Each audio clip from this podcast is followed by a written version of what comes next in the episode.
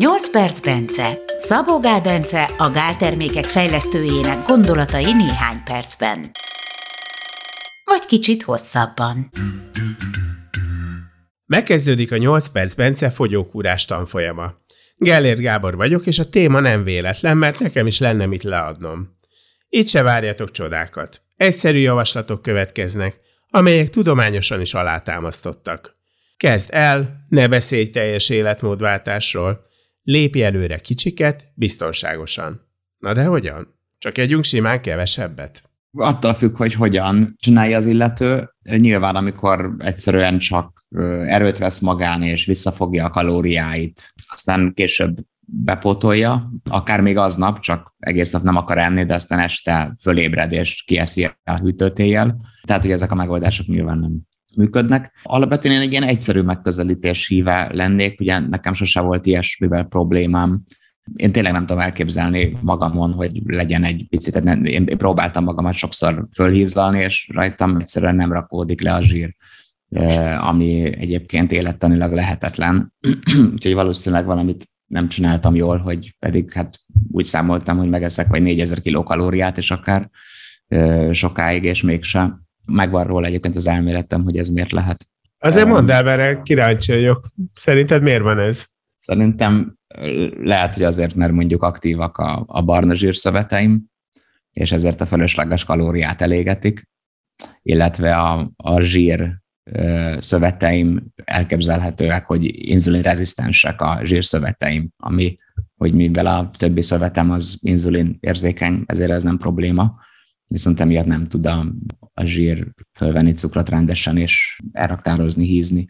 Hát ez az elméletem nem biztos, hogy ez így van, csak e, ezekre tudok gondolni, hogy, hogy emiatt lehet minden esetre, hogyha valaki el, hízásra hajlamos, vagy fogyni szeretne, Hát azért mégis csak a kalória. Tehát kalóriadeficit az kell a fogyáshoz. Kalóriadeficitbe persze bele kell számolni azt is, hogy mondjuk hogy a rostok vagy a fehérjék azok sok hőt termelnek, ezért a általuk adott energia az egyben deficitként el is megy, tehát nyilván pozitív a, a nettó eredmény, de, de nem annyi kalória, mint amennyi az ember gondol, meg ugye az étvágyra is különböző hatással vannak a, a különböző makrotápanyagok. Egy jellemző probléma, amikor valaki azért elhízott, mert az étkezés, mint örömforrás, az nagyon megy, mert nincs mondjuk elég más örömforrás, vagy egyszerűen csak ennyire szereti az életet, hogy az egyéb öröm nem elég, hanem még egy kis kaja öröm is, teljesen érthető, és az emberek nem nagyon képesek számolni a kalóriákat, illetve a képesek is nem akarják. Tehát, hogy ők annyit szeretnének enni, ami, amennyit jól esik, és nem szoktak bejönni ezek a a, most csak fele annyit eszek minden étkezésre, vagy, vagy ilyen dolgok. Különböző stratégiákat szoktak alkalmazni.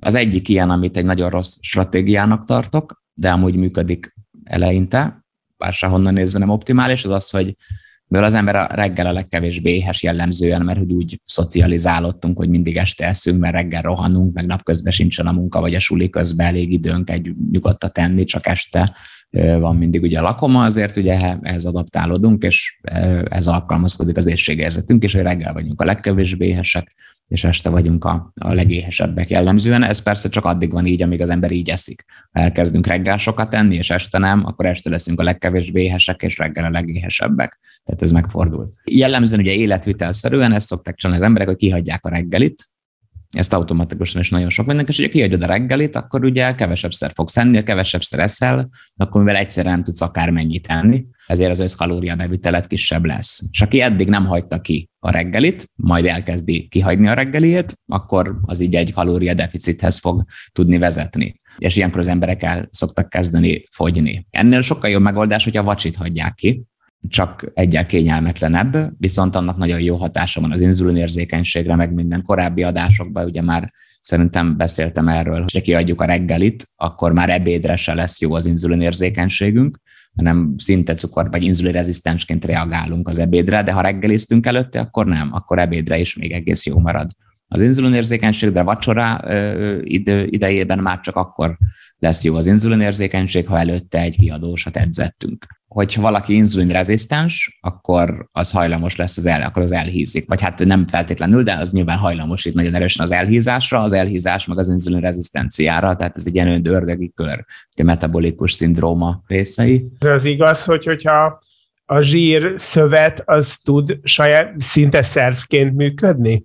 Igen, és önálló hát, életet élni? hormonszervként úgy érted, hogy igen, hogy igen.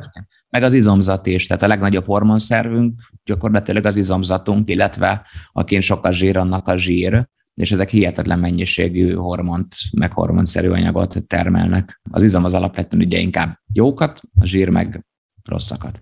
Tehát, hogy ami mondjuk inzulinrezisztenciát okoz. Ez rossz hír. Főleg egyébként a visszerális zsírok. Tehát, hogy mondjuk a, tehát a belső szervi, meg az alhasi zsír, ezek termelnek különösen.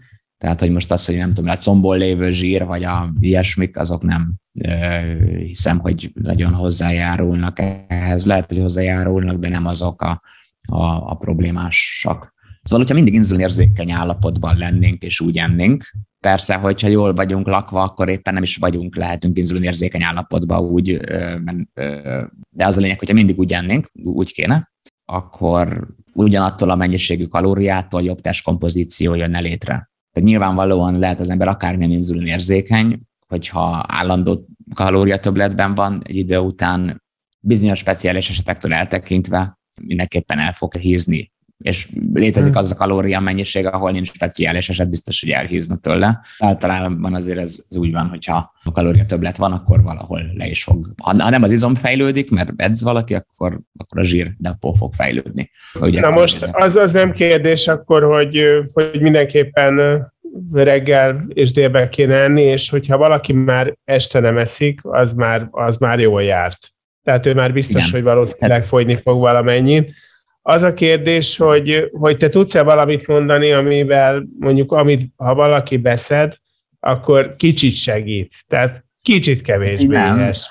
Hát vannak ilyen dolgok, hogy, hogy, hogy kifejezetten az éjségérzetet, mondjuk a, a glicin, étkezések között 3-5 g glicin elfogyasztása, az fokozza a GLP-1-et, és ezáltal az étvágyat csökkenteni fogja, és mellette nagyon sok pozitív jó hatása lesz egészségre nézve, ugye egyébként is. És ez két étkezés között így fél időbe? Gondolod? Hát valószínűleg ki kell, mert étkezés közben vagy közvetlenül utána szedve az étkezés tehát a posztprandiális, az étkezés utáni vércukorszint emelkedést fékezi meg jelentősen. Még ha két étkezés között eszi az ember, vagy hát mondjuk két, legalább két órával egy étkezés után, mondjuk legalább egy órával a következő étkezés előtt, akkor megvan egy, egy másfajta speciális hatása. A mi elméletben legalábbis a GLP-1 agonisták, tehát annak a, a fokozása, azok azok nagyon jó, azok most a, a előtérbe kerültek, mint a, a legperspektívikusabb fogyókúrás étvágycsökkentő szerek, amiknek nincs így mellékhatásuk se. Hát a glicinnek meg még egy csomó pozitív hatása is van, tehát olyan mellékhatása van, ami pozitív. Nem ismerek erről vizsgálatot, hogy ezt glicint erre használtak volna, csak arra, hogy ezt a GLP-1-et növeli meg egyébként a növekedési hormonszintet is nagyon szépen növeli a glicin, bár ott este lefekvés előtt, illetve reggel éjgyomorra nézték, de ez nyilvánvalóan két étkezés között bevéve is fokozni fogja, csak ott nem nézték, ez egyáltalán kevésbé biztos. Viszont ugyan... sima vízbe beleraksz egy kávéspanállal, és elkevered, és annyi. Aha vagy kávéba, bármi, vagy vízbe, igen. És um, a növekedési hormon meg talán a tesztoszteron után a legzsírégetőbb, vagy mellett a legzsírégetőbb hatású hormon a szervezetbe. Um, úgyhogy emiatt is hozzájárulhat. Bajt biztos nem okoz, előnye szinte biztos, hogy van, és azt gondolom, hogy közvetett adatokból az lehet következtetni, hogy a glicin jó lesz a a étvágy csökkentésére, viszont, de nem ezt mondanám én fő stratégiának, ez a kényelmes stratégia. Nyilván van egy csomó minden más is, amelyik csökkenteti a, az étvágyat, viszont, viszont nem, nem kiegészítőkben gondolkoznék, ha valaki fogyni akar, hanem az egyik az ez, hogy ha este mondok egy példát, tehát hogy, hogy próbálj, egyre inkább próbálja meg a vacsoráját reggelire, reggelibe pakolni, vagy a reggel és az ebédre szétoszlatni, tehát három étkezés, maximum 12 órás intervallumban, tehát szűkebb, mint 12 órás intervallumban enni, három étkezés, de lehet egyébként négy vagy öt is, hogyha azok kicsik, tehát az, ez, ez nem probléma, de azért minimum, minimum három óra két étkezés előtt az fontos, hogy elteljen. Akkor valószínűleg nem is fér bele 12 órába öt étkezés. Na mindegy, ezt majd kiszámolja hallgató, de hogy, hogy tehát a lényeg, három óra teljen el az utolsó, majd a első falat között, ugye? Tehát, hogy a két étkezés között, és maximum 12 órás intervallumban együnk, ami az első falattól az utolsó falatig számít. Tehát, hogy ha 8-kor nyitjuk, akkor este 8-kor már, már az utolsó falatot nyeljük le.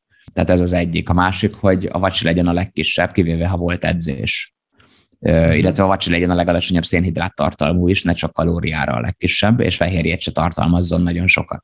Ez az egyik ilyen fontos. Ez egyszerűen ez szép lassan érdemes, nem úgy, hogy hirtelen az ember eddig nem reggelizett, és akkor át, átteszi a vacsoráját reggelire, hanem hogyha a vacsorája után még evett egy banánt két gombóc fagyival, akkor egy banánt azt tegyen át reggelre, így kezdje, és este akkor maradjon csak a két gombóc a vacsi után, vagy akár csak egy gombóc, de banán nélkül, vagy valahogy így tudod, tehát ilyen szép mhm, lassan mhm. napról napra végül eljutni oda, hogy a vacsi vagy nincs is, vagy csak egy nagyon pici és nagyon korán, kivéve ha edzés volt előtte, vacsi előtt. De érdemes eleve az edzés sem vacsi elé rakni, hanem inkább ebéd, vagy, tehát, hogy, vagy egy nagyon korai vacsi elé.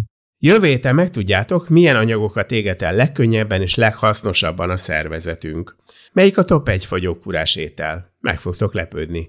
Már most szólok. Fogyni jó dolog. Biztonságosan, nyugodtan fogyni művészet. Ehhez kívánok jövő hétig jó egészséget minden 8 perc Bence hallgatónak.